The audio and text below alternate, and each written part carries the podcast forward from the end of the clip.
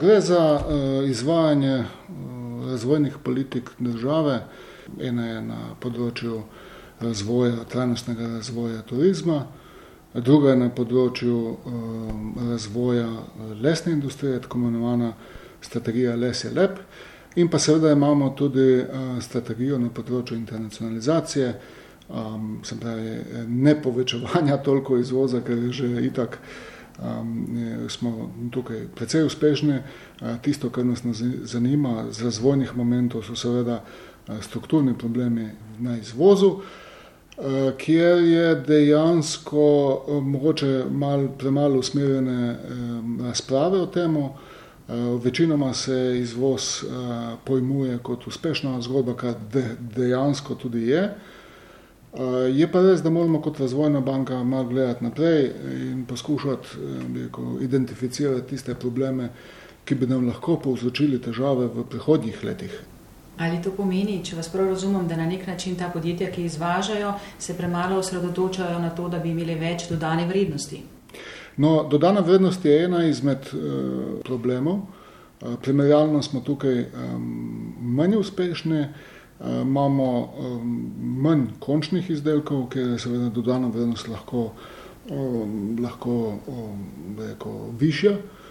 Koncentriran imamo izvoz v Evropsko unijo, v kolikor se bi na tem področju, vem, z eventuelno novo krizo ali kakorkoli zadeve zaostrile, bi bili učinki podobni, kot so bili v prejšnji krizi.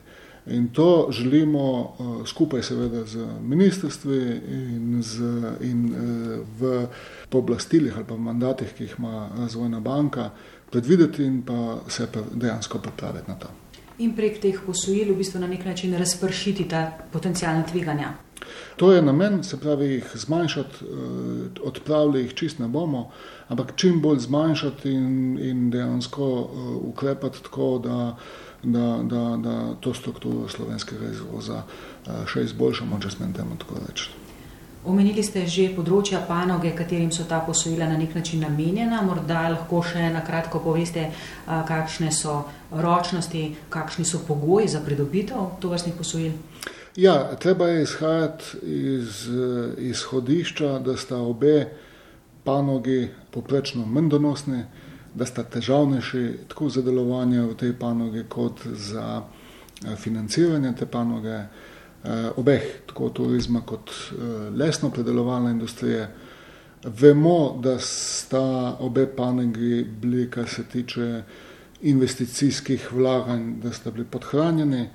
Sta pa po drugi strani to panoge oziroma zadevi, kjer imamo Slovenci, bom rekel, nekje sta to edina naravna, edini naravni bogastvi, no, če, če, če izločimo vodo.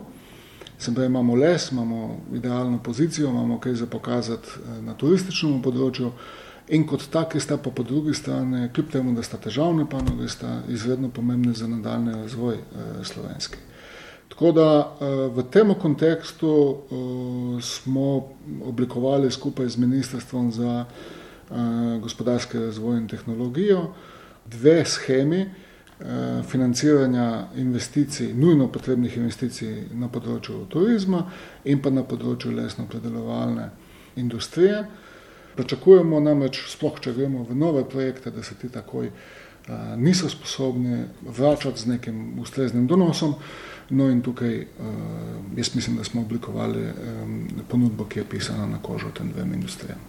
Oba sva že omenila, da gre za zelo ugodna posojila, pa da si bodo naši poslušalci in poslušalke lahko predstavljali morda za okus kakšno številko glede obrestnih mer.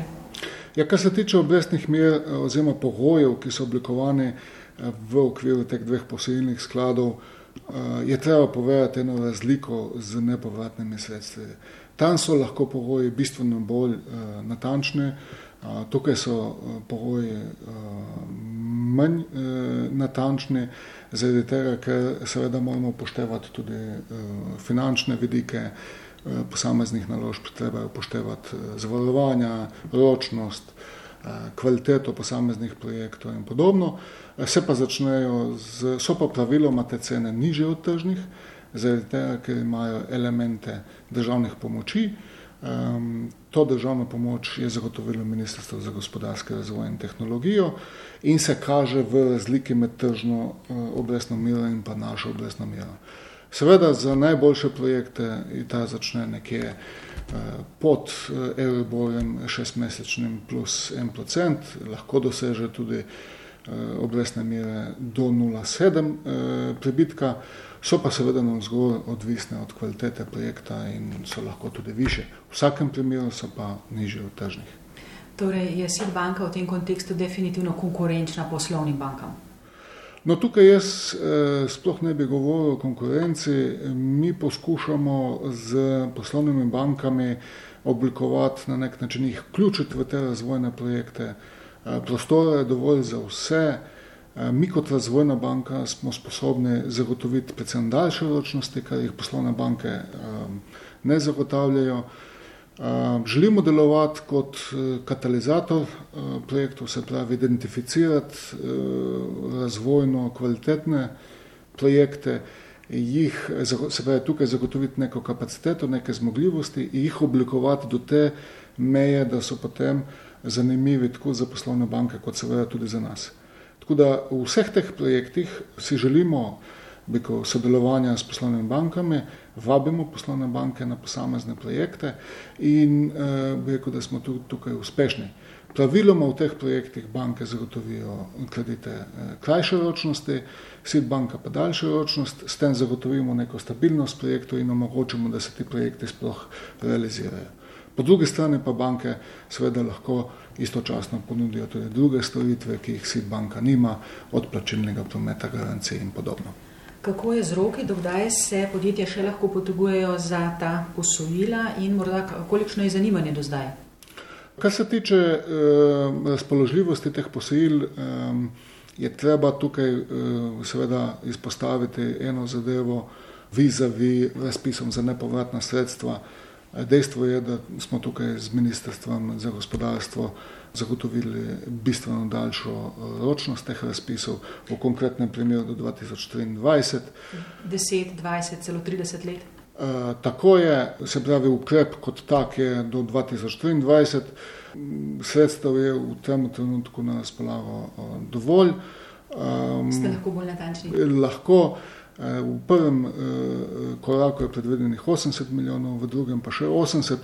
Zdaj, seveda, glede na beko, vse večjo prepoznavnost teh tako imenovanih finančnih inštrumentov, ki jih SID banka zagotavlja, smo tukaj res že precej eh, sredstev tudi iz drugih posilnih skladov že izčrpali, pa vendarle jaz mislim, da za prvo za prvi korak bo to dovolj, eh, vkoliko bi bilo popraševanje večje, sem prepričan, da bomo z našimi deležniki eh, v vladi in ministrstvih omogočili oziroma zagotovili še več sredstev.